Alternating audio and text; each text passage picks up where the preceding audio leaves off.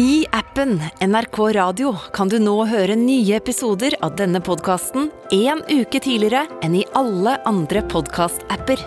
Du får også tilgang til mer enn 150 podkaster, 16 radiokanaler og NRKs enorme lydarkiv. Alt dette ved å laste ned appen NRK Radio. NRK Radio. Vi hører sammen. Stian Karstensen er musiker og komponist, og var i en årrekke frontfigur i bandet Farmers Market. Karstensen er multiinstrumentalist og spiller bl.a. trekkspill, gitar, banjo, fele og sekkepipe. Han har mottatt Spellemannsprisen to ganger, og ble nylig nominert til Nordisk råds musikkpris. Før sommeren ga han ut en oppsiktsvekkende musikkvideo om noen tøffe år i livet sitt. Dette er Drivkraft med Vegard Larsen i NRK P2. Stian Karstensen, varmt velkommen hit til Drivkraft. Tusen takk. Hvordan har du det? Jeg har det fint nå. Fint nå, ja. ja. Kan ikke klage, si. Nei da, jeg, jeg klager ikke, jeg. Nei. jeg. Jeg spiller og koser meg og gjør det jeg tror jeg er ment til å gjøre her på, på jorda. Akkurat spilt øh, drøssevis med konserter sammen med Øystein Sunde. Det har jeg. Får kjøre med. Veldig morsomt. Hele sommer. Eh, nei, Vi gjorde fem konserter på Gamle Ormlet, eh, og det har vært veldig morsomt. Så jeg har jo altså Jeg våkner jo med en ordsky i huet hver eneste dag etter å ha vært sammen med han nå i ei ukes tid. Ja, hvor det kommer man til orde i det hele tatt? Eh, jo, kommer til orde. Eh, men eh, det er altså Det rusler jo ganske greit rundt i nøtta på Øystein, da. Og det, så det er, hagler jo med ordspill. Og jo trøttere vi blir, jo løsere sitter ordspillene. Og det er i hvert fall gøy for herrer, om ikke noe annet. Ja, jeg sier multiinstrumentalist i, i introen her. Hvor mange instrumenter spiller du på den konserten sammen med han, da? Ja, på den konserten så spiller jeg banjo, stilgitar og trekkspill. Ja. Så, så til et fåtall. ja, altså jeg, jeg har jo noen flere òg, men eh, jeg kan ikke ta fram sekkepipa i tide og utide. Det ja, nei, du vet at for eksempel, Jeg var på, husker jeg var ferierte på Mykonos, jeg var på Interrail i 1990, og der var det altså bilde av sekkepipe på skilt med et kryss over. Det var forbudt å spille sekkepipe, og det var fordi at det var sånne eh, jetset-turister der som syntes sekkepipe var grusomt. Så nå har de kverka sekkepipetradisjonen på Mykonos. da, Amerikanske turister. Ja, For der har det vært en lang sekkepipetradisjon. Altså Sekkepipa er mange som tror den kom fra Skottland, men det er helt feil. Den er jo et, eh, et orientalsk fenomen. Og i Bulgaria så har du funnet sånne, sånne slags sånn helleristninger, som er, eller inngraverte steintavler som det er bilde av sekkepiper som er sånn 3500 år gamle. Er det sant? Ja, og, Hvorfor, hvorfor har vi så feil oppfatning av det, tror du? Nei, det er propaganda, det, vet du. Sånn er det. Og det har også vært eh, sekkepipetradisjon i Valdres og på Gjøvik. Eh, og i Gudbrandsdalen, selvfølgelig, etter at skottene gikk inn der i 1612. Men altså den der eh, i Valdres-tradisjonen var helt uavhengig av den skotske invasjonen. Og det er altså Myllargutten spilte jo i losjen i 1856 eller noe sånt med Ole Bull. Og på programmet så står det 'En sekkepipeblæser fra Valdres spiller opp'. Ja, når var det? Det var i 1856. Hva, er det der din Altså, hvordan bestemte du deg for å For sekkepipa? Ja. Nei, altså Jeg dro jo til eh, Bulgaria i 91 da, sammen med en kamerat. Vi fikk et lite stipend fra konservatoriet. Og vi hadde aldri eh, vært Vi hadde nesten ikke flydd før engang. ikke sant, den gangen. Så da dro vi ned dit, og så oppsøkte vi bryllup. Det er der eh, det, det, ting skjer. ikke sant, Og de sier på bulgarsk at uh, bryllup er det beste konservatorium. Det er der du lærer å spille. Og da fikk vi høre sekkepipe, og jeg hadde ikke hørt Jeg visste ikke at det var sekkepipe i Bulgaria, men altså alle er en landsby som besto av 3000, så var det 1000 som spilte sekkepipe. Wow. Det må ha vært et mareritt å bo i den byen. Ja, det spørs eh, hvor kresen du er. Det er verre på Titanofestivalen, hvor du hører Drømmen om Elin i 17 tonearter i ei uke strekk. Men er det multiinstrumentalist? også for meg, jeg spiller ikke, jeg spiller ingen instrumenter. Eh, og, men hvis jeg hadde gjort det, så ville jeg tenkt sånn Piano holder for meg. Ja. Hva, hvor, hva, hvorfor har du den Nei, altså, interessen av å lære deg flere og Nei, flere? altså, jeg ville jo egentlig begynne å spille piano, ja. Men ikke sant, så kom eh, pappa hjem med trekkspill og var ni år, og så sa jeg men jeg har jo selv sett på Kjell Bekkelund og Robert Levin spille firhendig klaver, det har jeg lyst til, ikke sant. De spilte jo i pausene på NRK, rett etter Gullfiskene, og da sa han nei, men trekkspill det er sosialdemokrati, eh, sosialdemokratiets fløyel, så det skal du begynne med. Så eh, da begynte jeg med det, men så kom jo tenåra, og da var altså heavyrock-bølgen som skylte over hele verden, ikke sant, med alle disse heavyrock-bandene, Marlon Maiden og ACDC og alt dette her. Og da tenkte jeg at jeg må lære meg å spille gitar, for det var ikke noe kult å spille trekkspill. Og det var mye av at det var et program på NRK som het Husker du? som eh, leverflekkorkester, eh, som da alle så på og syntes var ikke så kult. Og da tenkte jeg det er jo sosialt selvmord med trekkspill, så da må jeg lære meg å spille gitar. Så da tvang jeg meg sjøl til å høre på heavyrock én time om dagen, og hata det den første måneden. Men så kom liksom Stockholm-syndromet etter hvert. vet du. Hjalp det på populariteten, da? bli- Nei, ingenting. Nei da. Helt forgjeves. Men er det sånn at øh, du ser Altså, opp igjennom så har du tenkt at det instrumentet tiltaler meg? Altså, har, eller har du oppsøkt det selv, eller har det opp, Nei, de altså, oppsøkt deg? I mitt, de har oppsøkt meg, for i mitt tilfelle så har jo altså flere generasjoner på hver side som har vært trekkspillere. Eh, ikke sant? Og, bro, og bestefaren min, som var fra mine, mellom Minnesund og Eidsvoll, han hadde han har sju brødre, og alle spilte trekkspill. ikke sant? Og faren min spilte trekkspill, og faren hans igjen spilte trekkspill. Altså, så det, har vært, eh, det, det var liksom sånn, det var bare sånn det var i vår familie. Og mange av omgangsvennene til faren min var musikere, eller hobbymusikere som spilte til dans, som var født tidlig 1900-tall, som spilte fele og trekkspill.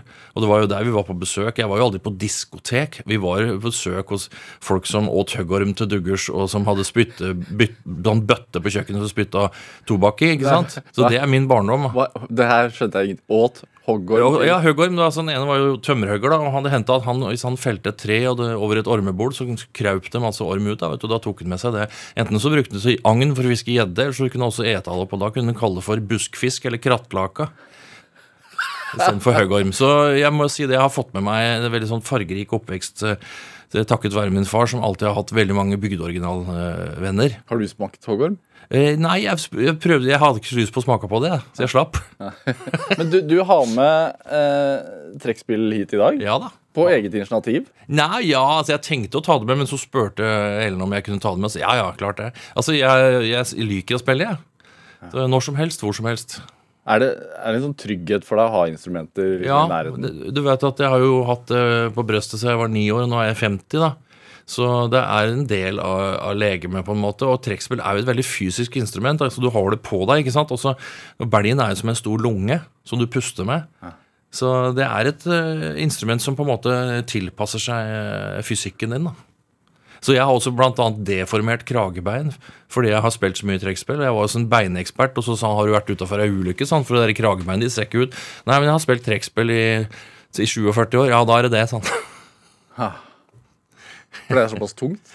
Ja, det er, det er litt forskjell på det. Jeg har et ganske letthet nå som veier 13 kilo, men det veier jo opp i 16-17 også. Så og det er jo hardt arbeid, og du bør jo være i god form. Derfor så hadde jeg kajakk nå, da, for å, for å liksom ta vare på de restene som er igjen av korpuset. Eh, har du noen, er det sånn at du gir det navn og sånn? Jeg nei, det har ikke noe navn på det. Det er ikke, det er ikke så personlig. Eh, for øvrig, gratulerer med nominasjon til Nordisk råd. Tusen takk. Eh, hva betyr sånne nomineringer til sånne musikkpriser? Altså Det første jeg tenkte da jeg fikk høre det, var at eh, oi, det er noen som, som veit at jeg eksisterer. Ja. Og det, vet du, i min bransje så er ikke den selvfølge, for det jeg befatter meg jo ikke så mye med, med kommersiell populærmusikk, eh, og da er det jo marginalt, ikke sant. Men jeg tenker at eh, jeg syns det er helt greit å ha en sånn eh, hva skal vi kalle det for noe? En sånn jevn publikumstilstrømning. Jeg trekker aldri 20 000 mennesker, men kanskje mellom 400 og 600 av og til. Og da, da syns jeg det er helt topp, for det hender jo folk har en sånn boost i karrieren hvor de kan fylle Spektrum, og så går det fire år, og så trekker du 30 stykker. ikke sant? Og det tenker jeg, jeg er egentlig glad for å slippe det, altså. Så ja. Nei, jeg får være glad for, for alt den eh, liksom at det kommer noen å høre på i det hele tatt. Og, og det, jeg, har jo trua på at For det første så må en jo gjøre det du har lyst til. Og jeg husker Åge Aleksandersen. jeg husker Han hørte på et intervju med han, så sa han du må ikke øh, komme til folket, du må få folket til å komme til deg. Eh, og da tenker jeg liksom, det er bra. altså Du må gjøre det du har trua på sjøl. Og hvis du, har, hvis du er heldig, så vil folk like det. ikke sant? Og det fins ikke noe verre enn hvis du har solgt sjela di og ikke får suksess. Det er tap-tap, altså. Husker du første gangen folk kom for å høre? Eh, For meg? eh, Ja, altså Første opptreden var jo på avslutninga på trekkspillskolen. Eller jeg gikk og tok timer hos Otar Johansen på Årnes. Og da var det så mange som ville lære å spille trekkspill, at det var sånn juleavslutning. ikke sant? Og, sånt noe. og da var det jo det var 200-300 folk der, og sikkert eh, 50 stykker som spilte trekkspill. Ikke sant? Så det var det første da. Og Eh, og så var jeg også med i konkurranse i 1981, eh, landsfestivalen på trekkspill. Eh, men før det så spilte jeg jo til dans sammen med pappa i bryllup. Så det tror jeg kanskje, kanskje er egentlig det første, da. Ja. Og da var du ni år gammel? Da var jeg ni år, ja. Mm. Og det var ni til fire-jobb, ikke sant? Vi begynte jo ni om kvelden og var ferdig fire om morgenen. Men var det et Som niåring? Ja, ja, ja. Så jeg, liksom, Min barndom har jo bestått av eldre folk som hytter med nevene for at du spiller reinlender for fort. For eksempel. Og pappa er veldig god til tempoer, for han spilte dans i mange år.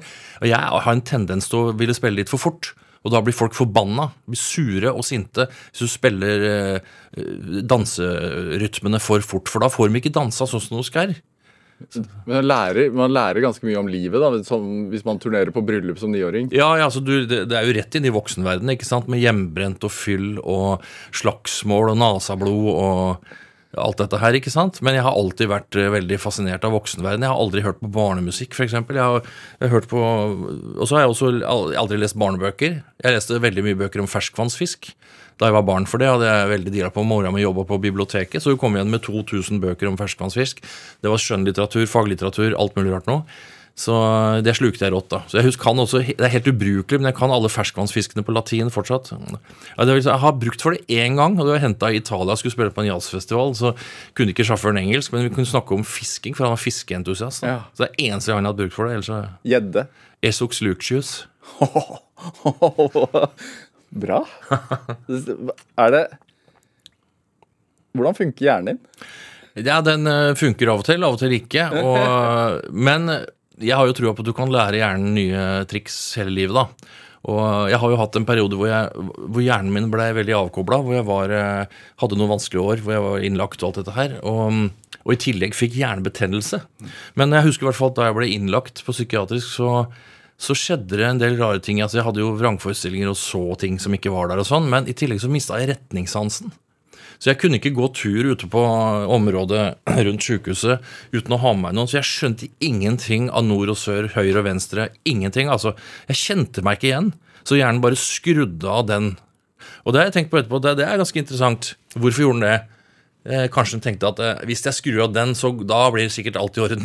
eller noe sånt nå. Men hvordan funker Altså, hva er det altså, Er det tomt, eller hva? Nei, du bare er forvirra. Du ser på den benken som du var ute og så i går, men du aner ikke hvilken retning du skal gå for å komme deg tilbake dit du kom fra. Altså, Jeg har jo bare opplevd det den gangen, da. Du er som en ettåring? Ja, jeg tenker at Sønnen min er ett år nå og lærer å gå. Han skjønner ikke så veldig mye, men ja nei, Jeg kan ikke huske åssen det var da jeg var ett år, men, eh, men eh, det er noe med den retningssansen som var fullstendig borte. da, Og, og da blir du jo veldig forvirra, og så blir du engstelig. For at du, hvis jeg ikke hadde hatt noe med meg, så hadde du ikke greid å finne tilbake. Ja, for du skjønner uh, frykten. Ja, ja, ja. Altså det er jo, Du observerer jo samtidig som du opplever. Og det var jo sånn da jeg var innlagt, at jeg, jeg så jo meg sjøl ovenfra i litt sånn fugleperspektiv. Såpass analytisk er jeg jo, men jeg gjorde jo ting som jeg ikke ville gjort nå. Som, som altså Når hjernen- går i nødmodus, så oppfører den seg annerledes, ikke sant? Uh, Det, det, det her er ikke så mange år siden.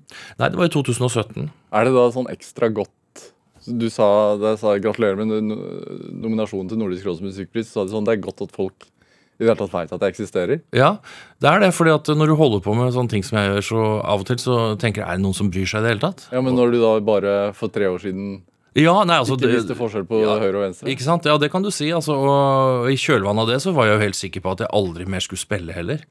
Fordi jeg var veldig langt nede, og jeg tenkte at eh, ja, enten så forlate denne verden, eller kanskje få meg jobb på et lager i Kirkenes, liksom. På et eller annet, altså bare bort, bli borte, da. Og aldri mer spille. Jeg er helt sikker på at jeg aldri mer skulle spille. Men så har jeg en, en god venn som heter Lars Elling, som tvang meg til å spille igjen. Og så sa han han var med i et programutvalg for Oslo Jazzfestival i 2019. Så han du skal spille. Så jeg nei, jeg vil ikke. sa jeg. Ja, men jeg har satt deg opp i programmet. Faen, ok, greit. Så da, da, da gjorde jeg det, da. Så det er liksom eh, veldig mye Lars sin ære at jeg begynte å spille igjen. Eh, fordi jeg ville jo ikke i det hele tatt. Jeg ville jo bare stikke meg, bli borte, på en måte, da. Hvem var det? Hæ? Hvem var det? Hvem var vennen? Eh, Lars Elling, Ah, Lars, Ja. Kunstneren Lars Elling. Helt riktig. Som også har vært her i Drivkraft tidligere. nettopp. Eh, eh, du har jo akkurat kommet med en musikkvideo Eller du kom med en musikkvideo før sommeren til, til låten Hippocampus Serenade, som, som berører en del av de tingene du prater om nå. Ja. Men øh, jeg har lyst til at vi skal spille den, for vi vil ha noe musikk så folk skjønner hva slags musikk du lager, Ja. eh, men også fordi at den er såpass selvbiografisk. Men det, også, hva, hva var forløpet til dette her? Og så kommer hjerne, en hjernebetennelse ut av det blå, liksom? Ja, det kan f.eks. hvis du hadde hatt eh, meslinger som barn, så har du altså noe sovende virus som ligger i ryggraden.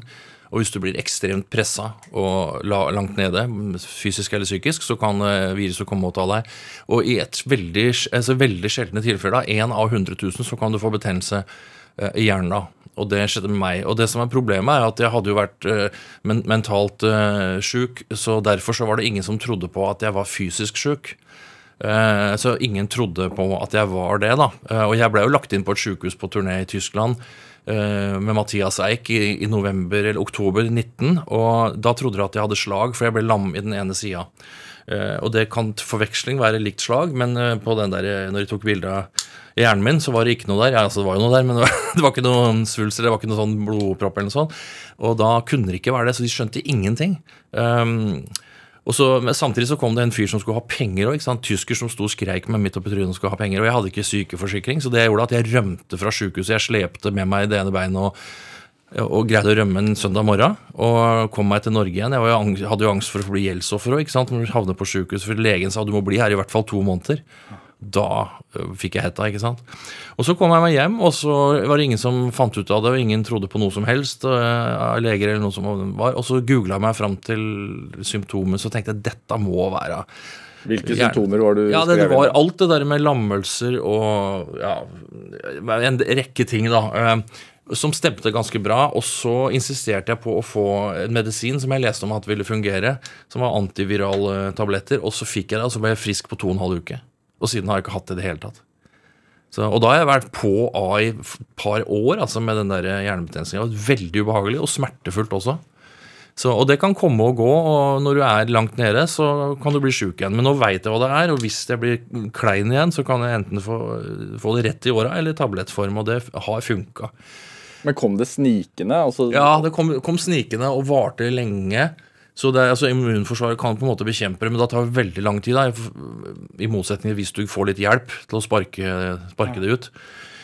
Så det var det som skulle til. Og alle sier du må ikke finne på å google, men det redda faktisk livet mitt. For du kan daue av det der da, ikke får behandling. Men er det Er det som en slags sånn hjerneverk, liksom? Eller, altså, Eh, Ja, det kjentes På det verste så kjentes det ut som noen som stakk nåler i den ene hjernehalvdelen min. Eh, og følelse at du skal kollapse når som helst, da. Så det var ganske ille ja, på det verste. Veldig fysisk ubehagelig. Og selvfølgelig da greide ikke å røre på to-tre finger på den ene hånden og sånt. ikke sant, Og lammelser, da. Så det er eh, ikke noe morosamt. Eh, men nå har jeg i hvert fall funnet hva det er, da. Og så det er litt sånn Dr. Stockmann, ikke sant, Ibsen. altså, følte jeg meg sånn. Og da jeg fant ut av det, så var det jo en stor seier. Og ikke bare for at jeg hadde vist at jeg hadde rett, at jeg ikke var hypokonder. Men... tror, fordi leger og sånn trodde ikke Jeg trodde på ikke på meg i det hele tatt. Og jeg har også lest meg opp på det der med folk som har vært mentalt syke, som har fått en fysisk sykdom, eh, dør fordi de blir ikke trodd. Det er store mørketall der. da. Så det Folkens, hvis dere kjenner symptomer, så ikke stol på legen når han sier at du bare innbiller deg det. Altså. Det er ikke sikkert han har rett. Eh, og ut av dette her så, så kommer det jo noe godt, da. Ja, absolutt. Altså, Etter jeg blei frisk igjen, så gjorde jeg ferdig plata mi, som jeg har holdt på med i Jeg har brukt fem år på å bli ferdig, for den lå jo og, og marinerte seg på en harddisk i to og et halvt år da jeg var sjuk. Jeg trodde jo alltid at jeg skulle få den ferdig, men så fikk jeg ånden over meg etter at jeg blei frisk, for da blei jeg så utrolig oppstemt. Og da ble jeg jo nesten i meste laget, ikke sant? så jeg gikk jo seks døgn uten å sove og sånn. Og jeg satt og spilte inn Er det, er det bra for Nei, det er ikke bra i det hele tatt. Men eh, når du vet at hjernen har vært i dvale i to år, har vært tungt medisinert, og så slutter du med medisiner, og så finner du ut at oi, kanskje jeg skal leve allikevel, kanskje jeg skal få et godt liv. Det hadde jeg jo ikke trodd det. Så, så blei det annerledes, og da blei jeg såpass eh, lykkelig da, og euforisk at jeg blei veldig oppstemt. Og da gjorde jeg ferdig plata mi på null komma niks. Og med god hjelp av mange venner som også har vært hjemme hos meg og spilt inn. Jeg har gjort nesteparten hjemme da. Eh, Så ja, så da, da spilte jeg inn seint og tidlig, og på et par måneder så var plata ferdig, da. første, første låta som ble sluppet av Hippocampus Serenade? Hva, Ja. hva betyr det? Hippocampus er jo en liten uh, hjernedel som ligger midt inni hjernen som ser ut som ei reke, som styrer korttidshukommelsen. Uh, og den har også fått seg en trøkk. Uh, Så den, jeg har også slitt med korttidshukommelse. Eh, Men Hvordan er det jo da, så du husker jo ikke hva du har sagt. Hvis jeg har fortalt deg noe i går, så hadde jeg fortalt deg det en gang til i dag, og huska ikke at jeg hadde sagt det i går. Sånne ting. Eh, Og det er veldig pinlig ikke sant, og, og irriterende. Så jeg synes det var så, så jeg, jeg snakka med fagfolk og sa at det er mulig å trene opp hippocampus. Den får seg en trøkk hvis du har vært alvorlig deprimert og har hatt nær drukning. Og begge de kan jeg krysse av på. Så eh, da, det du skal gjøre for å trene opp den, det er å drive med masse musikk. Det, er- der har, den har jeg, har jeg allerede. Også, Hvorfor er det viktig? Uh, det, det, det stimulerer noen eh, altså Jeg kan jo ikke noe om dette her. Jeg, bare, jeg har min psykiaters ord for, for, for det, bare. Men uh, det stimulerer vel et eller annet som er gunstig da, for at det begynner å røre seg oppi der. Også det å lære seg nye ting. Um, og være fysisk aktiv en halvtime om dagen. Så jeg driver og lærer meg Jeg snakker jo greit bulgarsk, men nå har jeg kjøpt meg en mer avansert kurs. og så så jeg prøver å lære meg nye ting, lese ganske mye bøker, og så pusler jeg også med pedalstil, som er et instrument som har eh, 16 pedaler og 20 strenger, som du spiller med et stålstykke, som er mye brukt i countrymusikk, som er eh, utrolig avansert å lære seg. Så nå driver jeg og øh, øver mye på det, for jeg tenker at du bruker alle Alt i hjernen er engasjert når du driver med det. Beina, knærne, henda, øya, øra. Så det er bra for å bedre korttidshukommelsen. Og den har blitt bedre i løpet av tre måneders tid. Skal vi høre, høre Hippocampus Serenade, eller hva er det å si om låten før vi spiller den? Ja, hva skal jeg si om det? Det er jo instrumentalmusikk, da. Uh, som er egentlig ganske filmatisk. Som jeg, jeg, jeg, hørte veldig mye på filmmusikk da jeg skrev musikken. Og ikke minst var jeg veldig inspirert av John Barrys musikk. Han som skrev musikk til eh, James Bond-filmene. Som var sønn av en kinomaskinist i York, og som hørte mye filmmusikk som barn. Så det er vel ikke så helt ulikt eh, den ideen med å kombinere et orkester og et band. da. Her er altså Stian Carstensens eh, Hippocampus Serenade.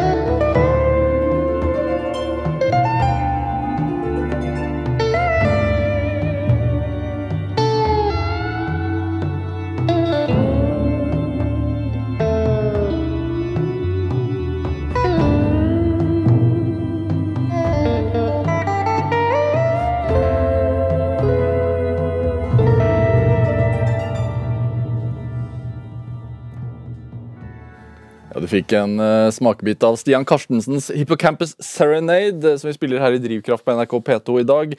Fordi at uh, musiker Stian er, Karstensen er min gjest her i Drivkraft. Altså ganske, Vi har snakket om en ganske sånn tøff eh, inngang til dette albumet, for å si det forsiktig. Absolutt. Uh, og, og videoen har også fått masse oppmerksomhet, fordi at du forteller jo på mange måter din, sånn, de siste fem årene i den videoen. Ja, jeg gjør det.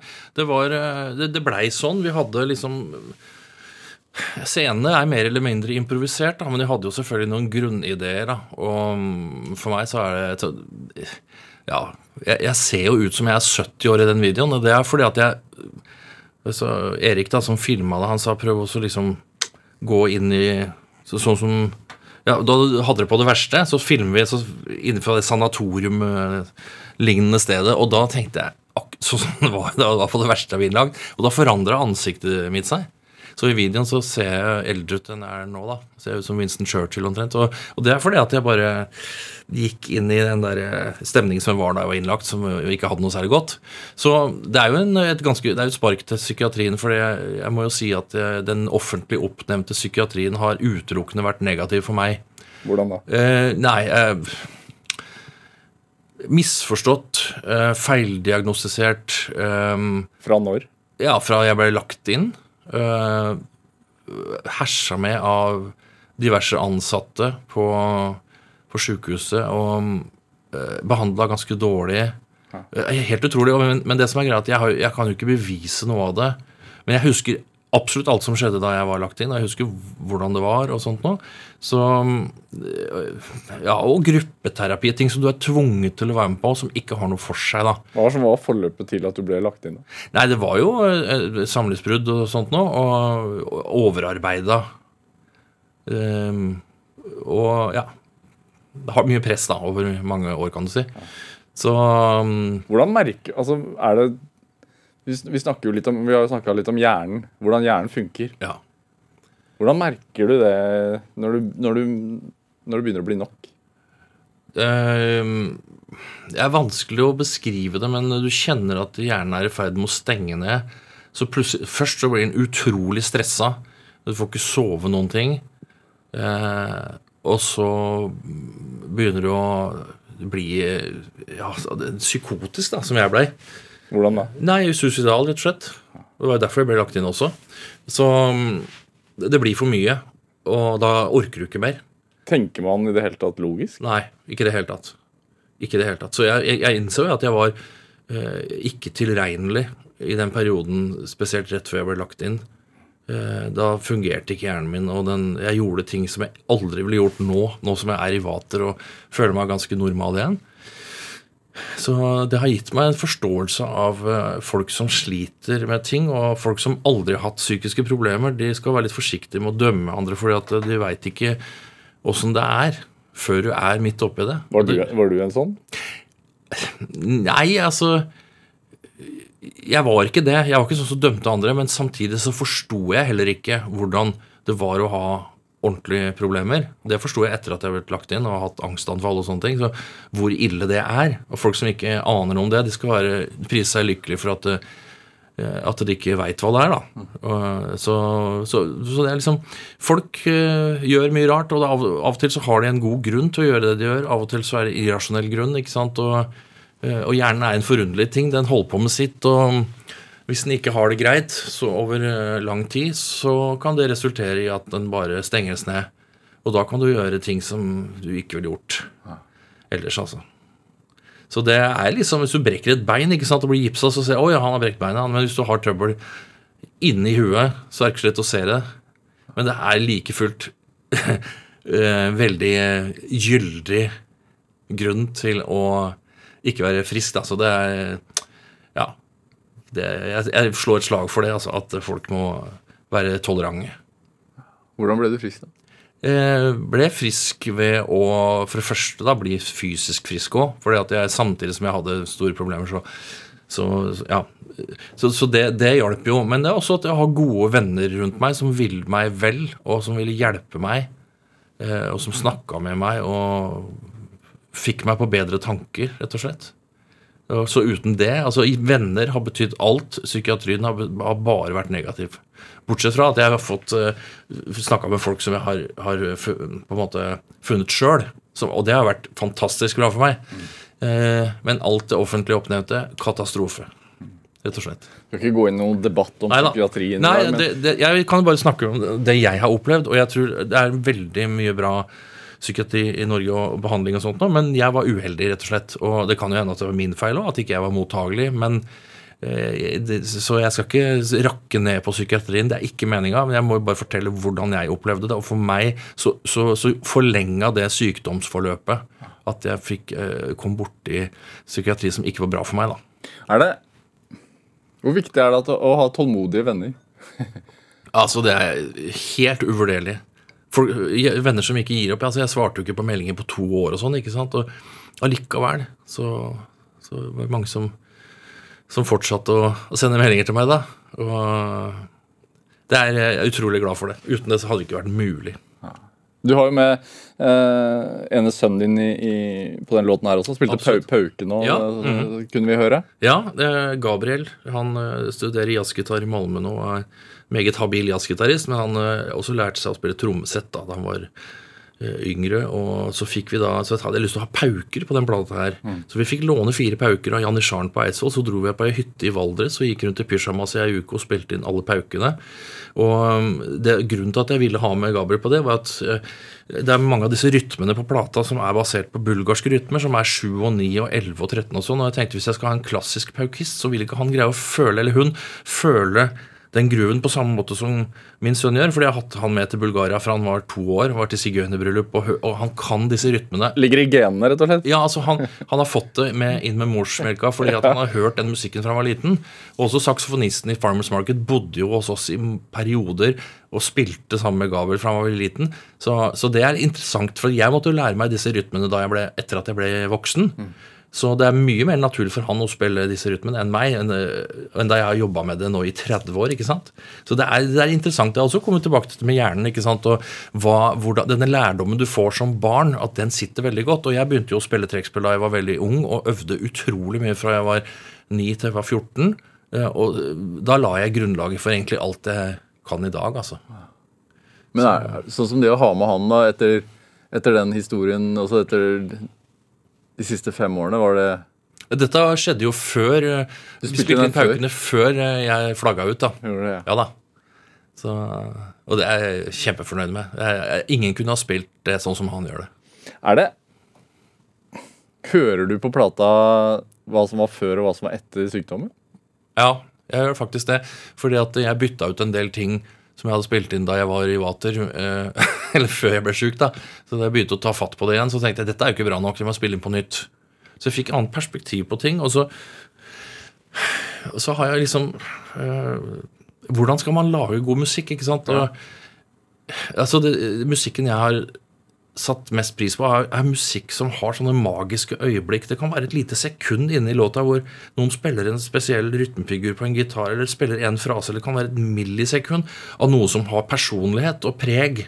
Og så vil jeg at hele plata skal ha det, og at det skal være signatur, og at ikke én tone skal være overflødig, og at det skal være, skal være en indre logikk. Og når, når du hører den musikken her, så skal du ikke lure på om jeg er usikker på hvordan jeg vil ha det. Da vil du at du skal vite at ja, han vil ha det akkurat sånn, og ikke annerledes i det hele tatt. Det skal være akkurat sånn. Så, så jeg har hatt et sånn der bilde da, av hvordan, hvordan f- man god musikk. og jeg har, jeg har sett for meg da at du tar hånda opp i en sånn sky hvor det er gode låter, gode komposisjoner, godt materiale. Så får du tak i noe der, og så drar du den ned, og så spiller du det inn. Eh, Og det er meisla ut i stein. ikke sant? Og Hvis du hører på Pet Sounds av Beach Boys, som jeg også hørte mye på før jeg skrev dette her, så, så er det en, en del sånne øyeblikk der, altså. Og mm, ikke minst eh, inspirert av Brian Wilsons måte å instrumentere på. Han bruker jo liksom både pauker og spinett og masse koring, elgitarer, mellotron altså sånn Kombinasjoner av klassiske instrumenter, termin, cello. Så jeg hadde lyst til å lage noe som var alternativ instrumentering av musikk, som skulle være i skjæringspunktet mellom østeuropeisk rytmikk og vesteuropeisk klassisk tonespråk. Takk for meg. Men hvordan Altså Du beskriver at du trekker, trekker noe ned fra lufta. Er, Ja. det, er det litt sånn? Altså at det kommer fra ingen steder, og så hvor, Ja. hvor begynner du, liksom? Eh, jeg har, når jeg har lagd musikken her, så har jeg brukt en metode som er en blanding Altså, jeg prøver å improvisere fram komposisjonene. Eh, Så har jeg et trekkspill som er midi, dvs. Si at jeg kan koble det til en datamaskin, og så kan jeg spille inn og få det ut på noter, og også på lyd. Så sitter jeg og improviserer og tenker ikke. Jeg prøver bare å bruke reptilhjernen. For jeg tror det er noe der som, er, eh, som har en verdi som kanskje blir mer sånn, har en friskhet over seg, da, framfor ting som er utspekulert, og som du kan sitte og matematisk pønske deg fram til. For det er mange måter å skrive musikk på. ikke sant? Du kan bruke regler, du kan men, Så jeg sittet og improvisert, og så har jeg kanskje improvisert i ti minutter, og så er det fire sekunder som jeg syns er bra. Da klipper jeg ut det, og så bruker jeg det som utgangspunkt for en komposisjon. Um, og så får jeg jo ideer etter jeg har jobba med det. Så kan jeg f.eks. forandre en tone her og der, ta og loope det, sette det etter hverandre. Så kan jeg improvisere en melodi oppå det. Jeg kan kanskje gjøre 200 forsøk, og så er det forsøk nummer 201. Da finner jeg noe som jeg er fornøyd med, så bruker jeg det. Så jeg prøver å bruke den der spontane delen av hjernen til å uh, skrive musikk med, sånn at musikken skal få et litt sånn mer sånn friskere preg. Det er en, en måte å jobbe på, da. Men er det sånn, fordi kjenner deg fra NRK-programmer hvor du har eh, hva skal man si, eh, analysert eh, populærmusikk. Er det sånn at musikk er enkelt for deg? Nei, altså, musikk er jo en veldig fascinerende ting, for at når du åpner to dører, så åpner det seg fire dører. Og når du åpner de fire dørene, så åpner du åtte, osv. Så, jo mer du lærer deg, jo mer skjønner du at du ikke veit om musikk. Og det er jo det som gjør at det er ufattelig spennende, da. Jeg hørte et intervju med Pat Metheny, som var en av mine favoritt-jazzmusikere, og han sa liksom at åh, hvis, du skulle, hvis du hadde visst hvordan jeg skulle spilt Hvis jeg hadde kunnet spilt det jeg har inni huet, da skulle du hørt Jeg er så dårlig til å spille gitar. Ikke sant? Ja. Eh, og det Og du, sånn har du det også? ja, ja, ja, ja, absolutt. Eh, har, ja, jeg, jeg tenker at dette er jo bare starten. Jeg håper at jeg kan få, få noen år til her på planeten, så at jeg kan lage noe som er enda bedre. dette her. Og, um, men nå har jeg altså lagd den plata ferdig, og jeg har lagt en liten eh, plattform. Og jeg føler at det liksom, det er egentlig det første som er ordentlig personlig som jeg har lagd. Og da tok det altså da 50 år da, før jeg greide å lage noe som jeg, som jeg er fornøyd med, egentlig. Ja, du er 50 år i år. Ja, Er det, altså, Samme har, som Bamsefar i lia. du, du har jo med uh, trekkspillet her. Er det sånn at du kunne improvisert Ja. her, liksom, bare for å vise meg hvordan du Ja, det kan jeg godt gjøre. Det er veldig fint hvis du kommer med et ønske. i- Nei, Samme hva det er. Det være en melodi, men det var, altså, Nei, altså, Du har jo nevnt um, noe som gjør at, du skjønner, at folk skjønner at, at det er improvisasjon. da.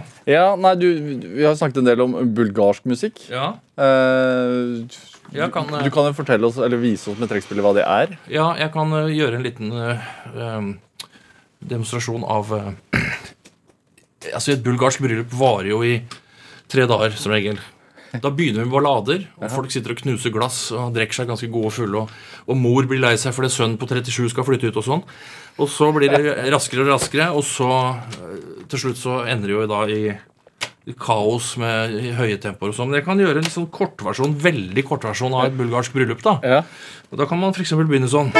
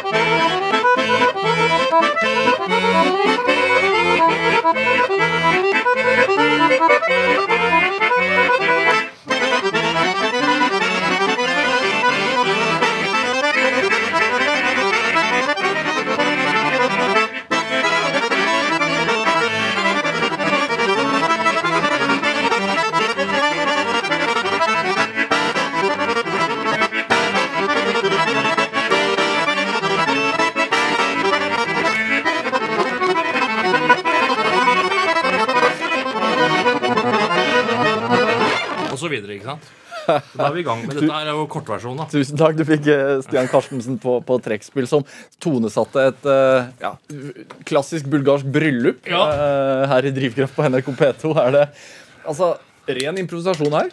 Ja, det er improvisasjon. Jeg, jeg, første var helt improvisert, og så spilte jeg et lite tema som går i 11-16, som egentlig er en sang fra Trakia, som er altså sentrale området av Bulgaria, der som Spartakus kom fra. eh, 16-del, og så improviserte jeg etterpå, da. Hvorfor, er det, hvorfor har den sjangeren der tiltalt deg sånn?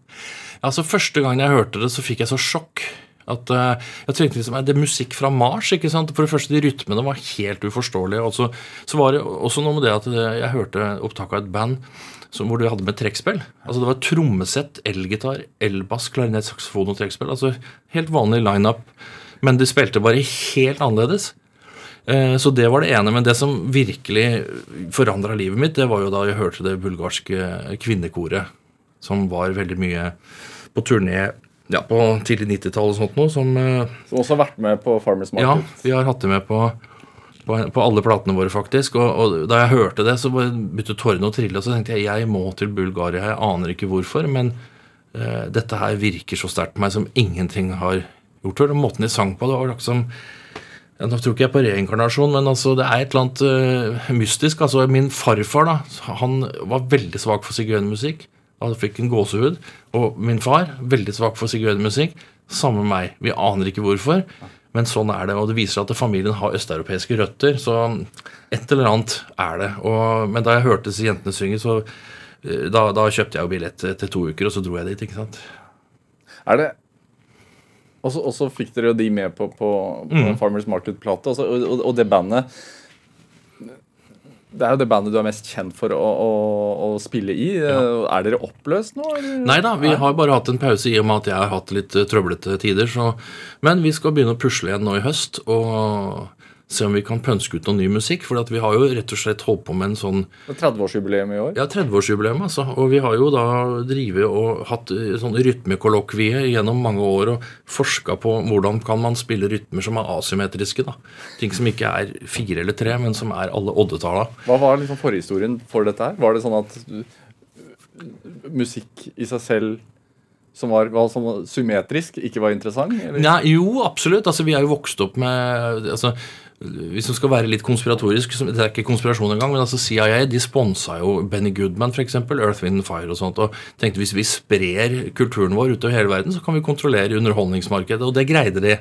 Av og til så leker jeg med en lite sånn kontrafaktisk tankeeksperiment. Hva om Sovjet, altså hva om Russland hadde gjort det samme? liksom? Hadde vi da hatt østkanten balalaika-klubb med hestehale, skinnvest og en trekanta eh, liten et strengeinstrument? Eh, så, så, så, så det med streit musikk har vi jo fått gjennom øh, den amerikanske påvirkninga, og, og engelsk også selvfølgelig, men altså populærmusikken fra Amerika har jo påvirka hele verden, bortsett fra sånne land som Bulgaria, hvor det var forbudt å lytte til Beatles. ikke sant? Så de har måttet finne opp kruttet sjøl. Så det de fikk tak i, det var jo moderne instrumenter, men de spilte den gamle musikken på moderne instrumenter. Så selv om du spiller, altså du spiller sekkepipe, om du spiller klarinett, så, så spiller du den samme stilen. Det er liksom, Fingersetningen er lik på klarinett og sekkepipe. Det har fascinert meg veldig. Men, men for deg som ung mann, altså du mener musikken har jo inspirert en hel verden. men Hvordan, hvordan inspirerte musikk deg som ung? Altså, Du spilte i bryllup som niåring, men det var trekkspillet. Ja, det var trekkspillet. Det, det som jeg ble inspirert av, var jo å høre folk som var gode til å spille, og da spesielt trekkspill. siden det var trekkspill som var mitt instrument. Så, så spilletimene jeg hadde fra jeg var 9 til jeg var 14, de foregikk på den måten at jeg spurte om spillelæreren kunne spille avanserte klassiske stykker, så satt jeg og hørte på. Det var ikke så mye fingersetning og sånn, jeg bare ble inspirert. Bare, wow, tenk å kunne spille sånn en dag, da. Og så øvde jeg, og så lærte jeg meg ting som, som jeg hadde lyst til å lære, ikke sant. Og, men jeg innser jo at jeg er født øh, 90 år for seint. Altså jeg, jeg spilte jo musikk som var skrevet på tidlig 1900-tall. Stort sett utelukkende det. da. Så- Men Var det noe annet for deg enn musikk? Mm, Ja, det var fisk, da. Fisking og ferskvannsfisk. Som jeg fortsatt er meget hekta på. Jeg fisker jo i hvert fall tre-fire ganger i uka. Skapes det musikk da også? Ja, øh, så I den videoen på låta du spilte i stad, 'Hippocampus Serenade', så er det foregår det meste ute i vann. Og det har vi spesiell historie på ved vår familie, fordi at øh, mine forfedre var øh, damvoktere i Vorma. Da, altså, jernbanen gikk jo fra Oslo til Eidsvoll, ikke sant, 1854, og stoppa der. Da måtte man ha, så måtte man sørge for at det var nok vann til Skiblander og alle båtene som skulle frakte folk videre. Da lagde man sluser, og der var min familie og var damvoktere fra 1854. Så levd av og med og på og for elva eh, siden den gangen. Og det gjør jo noe med eh, et guttesinn. Så jeg vokste jo opp på elva. Hva gjør det, tror du? Nei, Det gjør at du får en tilknytning spesielt til rennende vann. Så det er også brukt som terapi. F.eks. å stå ute i en elv mens vannet renner rundt deg. Det kunne jeg gjøre hvis det var, når jeg var på det verste sånn mentalt. Vasse uti, så står du der, og så finner du roen. Hva, hvordan, altså, hvordan er det helbredende? Lyden, f.eks. Kraften som er i vannet, som tar tak i beina dine. Eh, Det er derfor jeg alltid har hatt sansen for rennende vann istedenfor stille vann. Så Det er noe med rennevann, ikke sant? og det ser aldri likt ut heller. Eh, Jeg padler veldig mye og fisker, og da ser som elva ser forskjellig ut hver eneste dag, med virvler og et sånn utrolig spill i vannet. Det, det, det er så beroligende å se på. Og så har jeg jo lest meg opp på liksom vannets eh, Altså Romerne skjønte jo dette her, ikke sant? Spa, Spa. Sant, per aqua. Så det, det første de gjorde, var jo kom til et sted, så flisla, De flisla jo verden og lagde spa, for at da presterte feltherrene bedre på slagmarken hvis de slapp, fikk slappe av i spa. Og hvis du går også vann til, i vann til halsen, så går pulsen din ned. Så vann er en eller annen sånn Det høres jo veldig sånn klisjéfullt ut, da, men for meg så har det vært viktig i hele livet, og spesielt da jeg hadde det vanskelig. Så vann eh, tipp topp. Altså, så den monotone altså, Det er jo ikke støy, da. Hvordan vil du beskrive lyden Nei, av rennende vann? jeg synes det, er, det, er noe, det er ikke støy, det er beroligende. Sånn klukking eh, som uh, altså, det, altså Jeg blir rolig av det. Men sånn som eh, Trifon, saksofonisten vår, som er fra en liten landsby i Bulgaria, han, han er på turné Vi begynte å spille med han i 96. Hadde med seg en liten kassettspiller. Som han satte inn til øret av og til når han var stressa. Hva er du hører på? jeg. Nei, jeg har tatt opp lyden av kyllingene som går ut i gården og klukker sånn. Da blir jeg rolig. Så, så det har jo noe med kjente lyder fra barndommen, ikke sant? Så hvis det var eh, mye stress og lite søvn på han, da hørte han på kyllingene, og så roa han seg ned. Hvor ofte må du ned i elva? da? Ja, helst hver dag. Men eh, jeg får ikke alltid gjort det, da. Men eh, det er dragning dit, altså. Absolutt. Og så er det noe med elvekultur òg, som jeg har opplevd. Det bodde jo mye originale langs elva, som levde av elva. ikke sant? Og det var jo tømmerfløting på Eidsvoll i gamle dager. og det var selvfølgelig forbudt å ta noe av det tømmeret som kom forbi, men folk satte jo opp hus og holdt på. ikke sant? Og de kalte det å spe på med direksjon. var det de kalte det. Eh, Og så var det det at de fiska gjedde og spikra opp gjeddehur på veggen og drakk vann til røstende blekkbokser. og altså sånn Ordentlige hardhauser. Alle disse kjente jo faren min, så vi var jo nedover elva og hilste på disse her da jeg var liten. Og hørte historier og, og sånt. ikke sant? Utrolig spennende. Hvor langt unna bor du? Elva? Eh, Eidsvoll? Ja, altså, jeg, jeg bor unna altså, Det er flere elver der. da. Det er en lita elv som heter Risa. Den er den jeg bor nærmest nå. Det er bare 50 meter. Og, og, og som er, det er jo, Jeg bør ikke si det høyt, da, men det er jo altså en av Norges beste ørretelver. Er- er- Altså, den er fire meter bred, og så går det fisk på fire kilo der. altså Det er helt utrolig. da. Ørret på latin? Ørret. Eh, salmotruta. Det sitter. Der er jo trout, ikke sant? Ja, Truta. Eh, jeg syns vi skal spille en, en Farmers Market-låt, Ja. uh, siden vi har det her i studio. For siden det er, dere har 30-årsjubileum. Ja. Uh, vi skal spille en låt som heter Replace. Ja. Uh, det er ganske altså, forholdsvis ny Farmers Market-låt. Ja, dette er spilt inn i 2012, og det er spilt inn på kjøkkenet til Trifon, han som hørte på kyllingene for å bli roligere. Og, og det er fire jenter da som synger her fra hvert sitt område i Bulgaria, og alle, alle regioner har jo sin sangstil. Um, så er det da en låt som er en tradisjonell, som Nils Olav, gitaristen, og jeg har arrangert ut. og For både kirkeorgel og gitar og stilgitar og sang. Og du legger merke til at det er, dette er fire stemmer, men det høres ut som det er tolv. Altså, for de har så mye overtoner i stemmene sine. Så når folk hører det her, så dette er det som forandra livet mitt, som fikk meg til å dra til Bulgaria i 91, og som har hatt en sånn stor påvirkning på livet mitt siden den gangen. Hvor, hvilke bilder får du i hodet når du hører de synge? Altså, for det første, jeg, første øvelsen jeg var på, hørte det koret i Sofia. Det var inni et lite rom. Og det som skjer da, at det, er, De synger så kraftig og med så mye overtoner at det vibrerer i hele kroppen. Så i tillegg til at musikken er overjordisk vakker, så sitter du og blir pepra med Altså, Du har sikkert lest om Jerikos murer ikke sant? og lydbølger. Det er lydbølger da, som treffer deg samtidig. og da er liksom, Hvis du ikke blir påvirka av det, altså, da er du en kynisk jævel. altså. Zora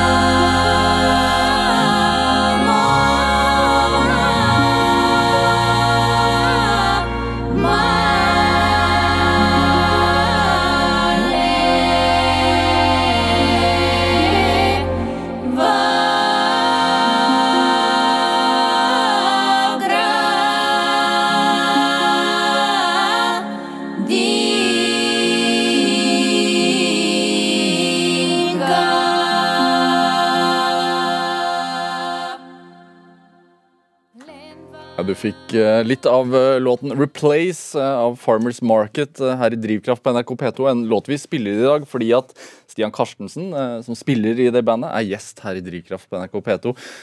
Musikk for deg, er det viktigst for deg å fremføre det til folk, eller å, ta det inn og imot? Begge deler, Ja. sjølsagt. Altså, for meg så er liksom musikken som dop, altså. Det er, uten at jeg har drevet så mye med det. Men eh, altså, da jeg dro til Bulgaria for første gang, så kjøpte jeg jo altså, to meter eh, bunke med vinylplater. Fra en sånn, det var én plateforretning i Sofia. Som, det var bare ett plateselskap, og det het Balkanton. Kommunistenes, Det var altså kun ett selskap. Så da kjøpte jeg alt de hadde av folkemusikk, og en meget sur ekspeditør i Sofia sendte hjem til Norge og hørte meg gjennom dette her. Og etterpå så har jeg jo vært der veldig mye, og da har det gått mye i kassetter, for de tok litt mindre plass. Så altså tusenvis av kassetter som er kjøpt på bensinstasjoner i Bulgaria med topp folkemusikk. Og eh, så, så har jeg fått digitalisert det. Og det som er greia, at det, det, ikke noe av den musikken ligger på YouTube, ikke noe på Spotify. Det er kun gitt ut på kassett i Bulgaria. ikke sant? Så det er en skattkiste. da, så jeg, det har vært sånn, jeg har jo vært en helvetes konsum. altså Jeg har bare slukt alt dette her, hørt utrolig mye på det. Så det har vært veldig viktig for meg å putte ting inn i huet da. Men tenker du noe sånn at det er så mye musikk å grave seg ned i? Du har ikke tid til å oppdage alt? Nei, altså, men jeg har jo også hatt uh, dilla på andre stilarter. Jeg, har for eksempel, uh, jeg dro til Kentucky for noen år siden for å lære meg å spille femstrengsbanjo, bluegrass. Og det har også vært fascinerende. Så jeg har også øh, har en stor samling av historiske opptak som er gjort av folklorister som har reist ut med, med, med båndopptaker som de kobla til et bilbatteri, og tatt opp altså, kullgruvearbeidere som synger og spiller banjo. Masse sånne ting som jeg har hørt utrolig mye på. Eh, Spesielt sørstatene, som har vært så isolert. og som Du finner jo engelske ballader der som er utdødd i England for 200 år siden. Det kan du finne i Appalachian-fjellene nå. ikke sant? Så, så Sånne ting. Er oppsøkt av områder som har stilarter og musikk som jeg har vært eh, interessert i, og så har jeg prøvd å lære meg det. Men Stian Karstensen, dette programmet heter jo Drivkraft. Ja. og jeg tenker Det å finne musikk og Ja. bore i det må jo være en veldig sterk drivkraft. Ja, det har vært min drivkraft, og jeg har ikke greid å la være. Så, så det er liksom Hvis jeg har hatt lyst til å lære meg noe, så har jeg bare gjort det. Så har jeg dratt dit hvor det skjer. Og jeg har jo bodd hos, både i Kentucky og i, i Bulgaria Altså i USA og sånn. Så har jeg vært oppsøkt folk, reist hjem til folk. Jeg dro hjem til han som spiller banjo med Dolly Parton, banka på døra og spurte kan jeg få banjotime. Ja, det kan jeg. Hva skal du ha for det? Jeg skal ha en sixpack med Budwiser, sånn. Så, så, så stakk jeg og kjøpte det, og så fikk jeg banjotime. Så det er noe med å ikke være redd for å oppsøke Stort sett så er folk happy hvis det er noen som er interessert i det de driver med og vil lære det. ikke sant? Stian Karstensen, glede å ha deg her i Drivkraft. I like måte. Tusen takk for besøket. Hør eh, flere samtaler i Drivkraft på NRK på nett eller i NRK-appen. Eh, Du kan laste oss ned som podkast også. Send oss også gjerne ris og ros og tips til mennesker du mener har drivkraft. Send den e-posten til drivkraft, krøllalfa, nrk.no. Produsent og researcher i dag var Ellen Foss Sørensen. Jeg heter Vega Larsen. Du har hørt en podkast fra NRK. De nyeste episodene og alle radiokanalene hører du i appen NRK Radio.